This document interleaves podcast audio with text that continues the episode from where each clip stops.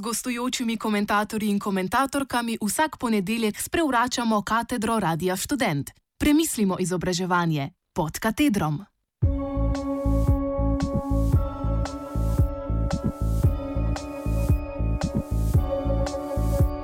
Skriti stroški brezplačnega študija.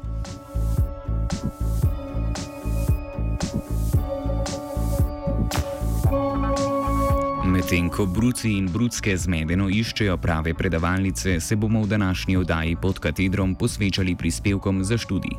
Skritim stroškom študija, ki so vam jih na informativnih dneh verjetno zamolčali. Da bomo lažje razumeli, kaj ti prispevki sploh so in zakaj so problematični, najprej poglejmo, kako je financiranje slovenskega visokega šolstva urejeno z zakonom. Zvis v 72. členu vire financiranja opredeli takole.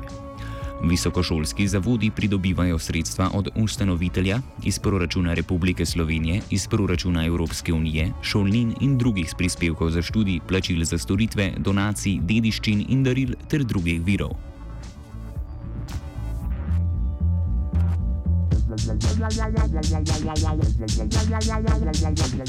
V naslednjih členih je podrobneje zapisano, kateri zavodi so upravičeni do proračunskih sredstev in v kakšnem obsegu. Za nas najpomembnejše je, da se iz proračuna financira študijska dejavnost srednjega študija za prvo in drugo stopno javnih visokošolskih zavodov in zasebnikov s koncesijo. Študijsko dejavnost ZVIS definira takole. Študijska dejavnost je pedagoška in z njo povezana znanstveno-raziskovalna, umetniška in strokovna dejavnost, knjižnična, informacijska, organizacijska, upravna in druga infrastrukturna dejavnost. Zakon torej narekuje, da izvedbo do diplomskega in magistrskega študija plača država. Torej je študij na prvi in drugi stopni, drugi bolonski stopni brezplačen? Ni čisto tako.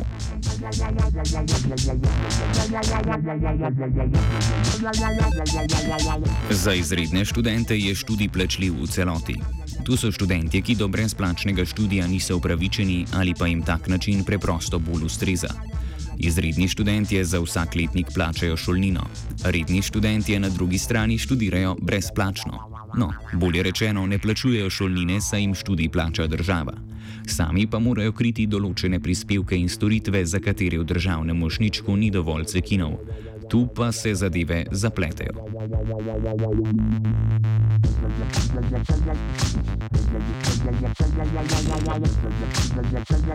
Poglejmo, katere prispevke za študij morajo študentje plačati iz lastnega žepa. Na Univerzi v Ljubljani prispevke študentov ureja pravilnik o prispevkih in vrednotenju stroškov, ki ga vsako leto sprejme upravni odbor univerze. Pravilnik za tekoče študijsko leto opredeljuje naslednje prispevke za študij.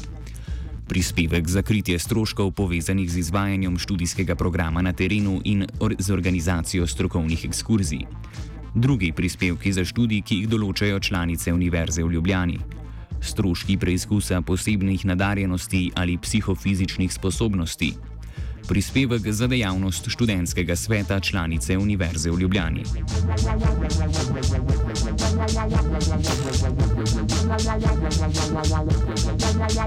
V oči najbolj bodejo prispevki za kritje stroškov terenskega dela in strokovnih ekskurzij. Terenske vaje so namreč obvezen del nekaterih študijskih programov. To pomeni, da študentje brez opravljenih terenskih vaj ne morejo dokončati študija. Stroške terenskih vaj pa si morajo deloma ali v celoti kriti sami.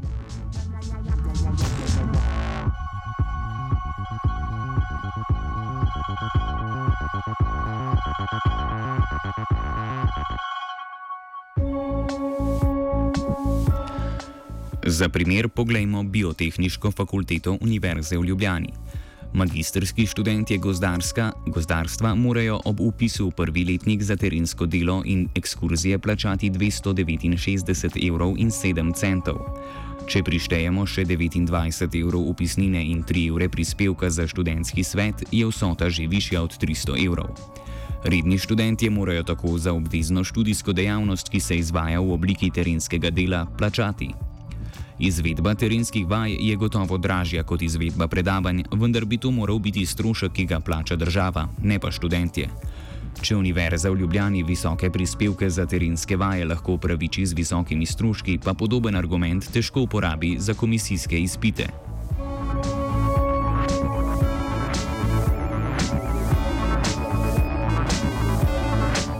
Študentje, ki študirajo na Univerzi v Ljubljani, lahko izpit brezplačno opravljajo trikrat. To pomeni, da imajo tri brezplačna opravljanja izpita. Četrto in peto opravljanje izpita se izvaja pred komisijo, ki jo sestavljajo vsaj trije člani.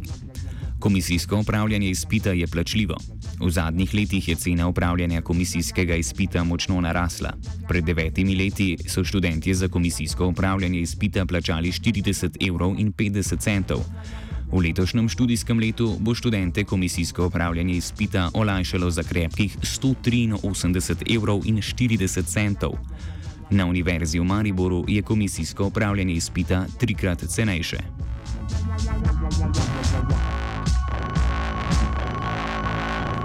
Nesprejemljivo visoka cena komisijskega izpita je tudi nerazumljiva. Z izvedbo komisijskih izpitev namreč ne nastajajo posebno visoki dodatni stroški.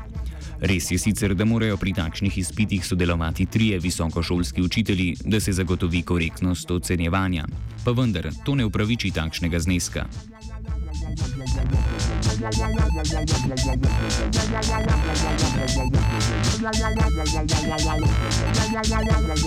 Ocenjevanje izpitev, komisijskih ali navadnih, spada k rednim delovnim obveznostim visokošolskih učiteljev. Drugače povedano, za komisijsko ocenjevanje niso dodatno plačani. Tudi strošek tiska in vnosa v, v informacijski sistem je zanemarljiv. Zdi se, da se neupravičeno visoka cena prej odvrača kot spodbuja.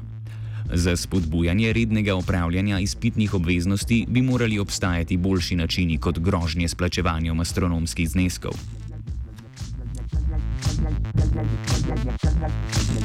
Med izpitnim obdobjem ste iz študentskih ust gotovo že slišali: Ta izpit zdaj moram pa res narediti, drugače bom mogel plačati. Takšna bojazen pred plačilom je po primernosti zelo podobna tisti ponarodeli grožnji, s katero so včasih strašili majhne otroke.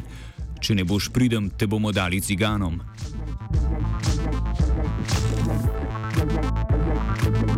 Analizirali smo že stroške terenskih vaj in visoko ceno komisijskih opravljenih spitev. Poglejmo še nekatere druge stroške, ki lahko doletijo študente. Začnimo s potrdili. Prispevek za potrdila se obračunava. Um, se upravičujem, prispevki za potrdila se obračunavajo po taksah, ki jih določa zakon o upravnih taksah. Tako boste denimo za potrdilo o opravljenih izpitih odšteli 4,60 evra, za druga potrdila, denimo potrdilo o diplomiranju, pa dvakrat toliko. Torej absurdnih 9 evrov za list papirja.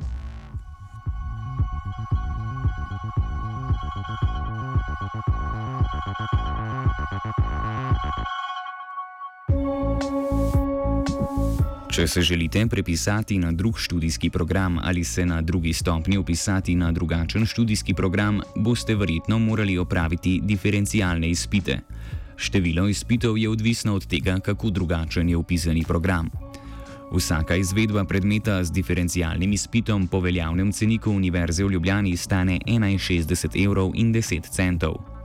V primerjavi s komisijskim izpitom je to malo, a vseeno dvakrat več kot za diferencialni izpit plačajo študentje Univerze v Mariboru. Po pregledu stroškov terenskih vaj, cen komisijskih in diferencialnih izpitov ter potrdilo o šolanju postane jasno, da redni študij le ni tako brezplačen, kot se zdi na prvi pogled. Nekateri izmed stroškov so tudi popolnoma neupravičeni. Od novega starega ministra za izobraževanje je odvisno, če bo z dodatnimi finančnimi injekcijami uspel preložiti breme financiranja nazaj na pleča države.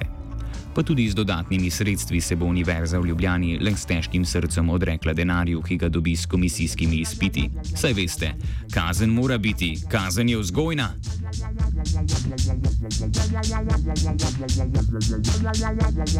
Vse prispevke za študij bo še po oddaji sešteval Tomaž.